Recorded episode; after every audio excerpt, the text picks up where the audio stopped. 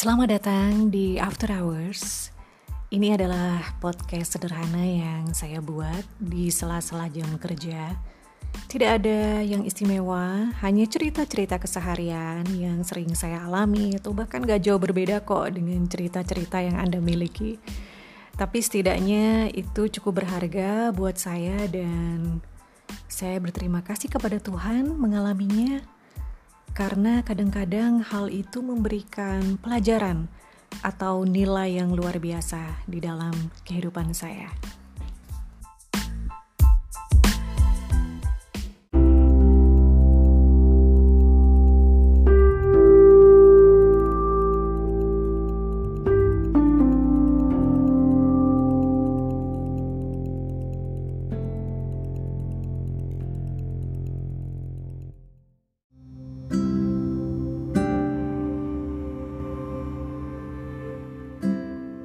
After Hours bersama saya Diana. Hari ini saya ingin berbagi kisah tentang sebuah proses kesabaran.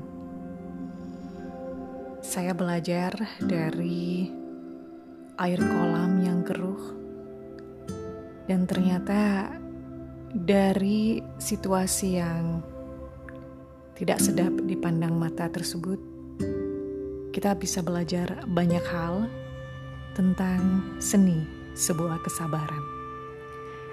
Jadi beberapa waktu yang lalu kolam di tempat saya bekerja memiliki masalah yang cukup serius ya. Di samping cuaca kurang bersahabat, banyak angin, terus kemudian curah hujan yang cukup tinggi, membuat situasi kolam cepat sekali kotor dan Mungkin juga berimbas pada kondisi mesin yang sudah cukup tua. Bisa jadi sesuatu menyumbatnya dan membuat kerja mesin tidak maksimal dan pada akhirnya kita mengalami masalah yang sangat serius dengan mesin.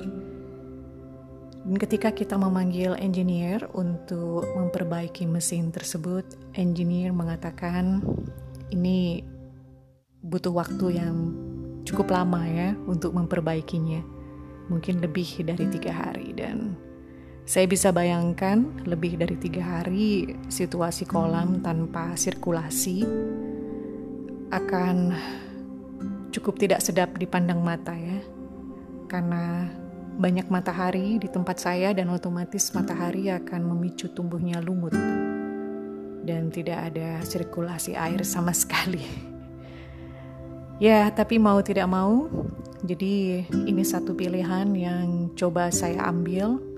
Kita harus cepat menyelesaikannya atau di lain pihak kalau kita menunda malah situasinya akan menjadi lebih buruk.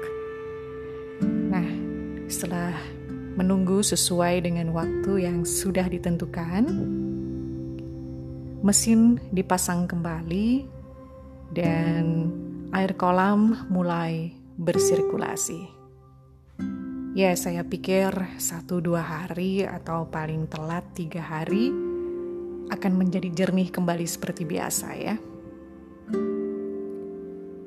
Dan pada hari ketiga saya sudah mulai habis kesabaran karena sepertinya ini tidak ada perubahan sama sekali dalam arti uh, sudah terjadi progres namun sepertinya air masih berkabut dan juga saya tidak yakin gitu loh uh, bahwa air ini akan bisa menjadi jernih.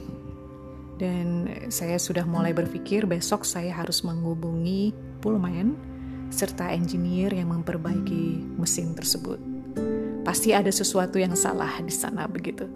Karena sudah kita kasih obat dan semacamnya, sudah cek pH dan saya lihat sepertinya masih begitu-begitu saja, stagnan. Nah, pada hari keempat, ketika saya sudah mulai putus asa, ini tanggung jawab yang luar biasa untuk saya. Tanpa saya sadari, saya berjalan berkeliling di sekitar kolam. Ada sesuatu yang menyita perhatian saya bahwa ternyata hampir dari tiga perempat kolam sudah mulai jernih, sementara beberapa kubik air dekat skimmer itu masih keruh karena masih proses bersirkulasi eh, ketika mesin tersebut menyala. Nah, dari sana saya menunggu sekitar 10 menit, 15 menit saya perhatikan terus air yang keluar itu semakin lama semakin jernih, jernih, jernih dan jernih. Dan saya batalkan rencana saya untuk menghubungi engineer dan juga uh, pullman karena saya punya satu keyakinan bahwa besok air ini sudah pasti jernih kembali dan kita bisa melihat dasar kolam. Dan sore hari karena kita mempunyai schedule ya, jadi mesin automatically akan menyala sesuai schedule. Ketika mesin sudah padam pada sore hari, sesuatu yang tidak pernah saya bayangkan dan air kolam sudah jernih kembali. Dasar kolam sudah terlihat. Dan saya mulai berpikir dari sana. Ternyata saya harus belajar banyak ya bahwa proses penjernihan itu tidak sesimpel yang kita pikirkan. Kalau kemarin-kemarin mungkin masalah air kotor cepat terselesaikan. Satu dua hari mesin menyala, bersirkulasi, air menjadi jernih begitu. Tetapi ternyata hari ini saya butuh waktu e, bersabar menunggu proses karena mungkin uh, terlalu banyak kotoran pada saat ditinggal memperbaiki mesin ya selama beberapa hari mengendap jadi kotorannya mengendap dan butuh waktu untuk bersirkulasi. Pelajaran pertama yang saya ambil di sini dan saya merenungkannya selepas jam kerja. Saya membuat catatan kecil di sana. Ada hal-hal tertentu yang memang harus cepat kita ambil uh, keputusan ya, kita harus cepat bereaksi. Satu contoh, ketika mesin kolam rusak, saya harus cepat bereaksi karena kalau tidak akan berakibat fatal untuk ke depan. Dan yang kedua, saya belajar dari air kolam yang keruh dan kotor, dasarnya sama sekali tidak terlihat hijau dan cukup tidak sedap dipandang mata. Itu membutuhkan waktu sampai air kolam itu bisa menjadi jernih. Jadi ada hal-hal tertentu yang tidak dapat kita selesaikan pada saat itu juga membutuhkan waktu dan kesabaran. Dan sometimes kesabaran itu yang luar biasa harus kita pelajari. Karena kesabaran itu butuh proses dan menunggu itu adalah sesuatu yang tidak nyaman, tidak mengenakan ya. Tapi dalam proses menunggu itu kita memiliki satu ya, keyakinan dan kita memiliki satu faith bahwa sesuatu akan menjadi lebih baik setelah proses kesabaran itu terlewati.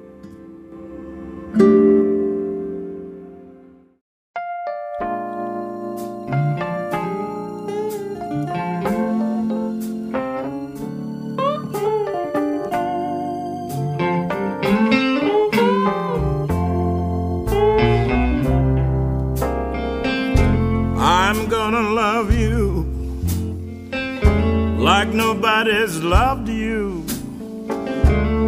Come rain or come shine. High as a mountain and deep as a river. Come rain or come shine. Well, I guess when you met me that it was just one of those things. But don't you ever bet me,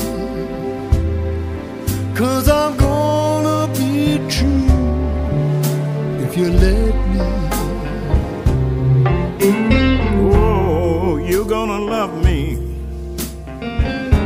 like nobody's loved me.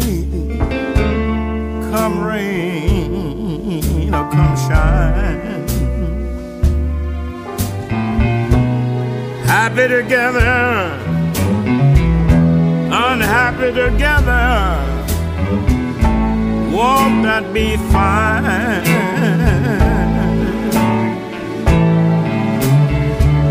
Day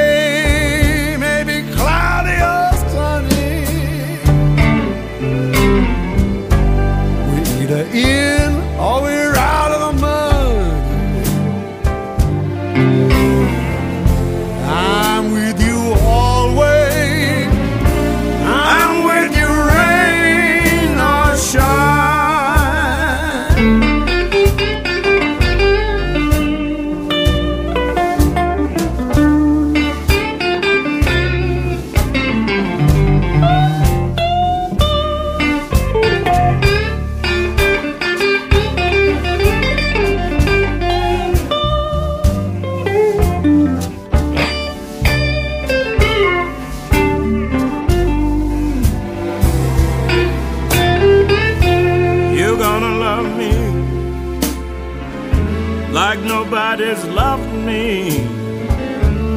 Come rain or come shine. Happy together, unhappy together. Won't that be fine?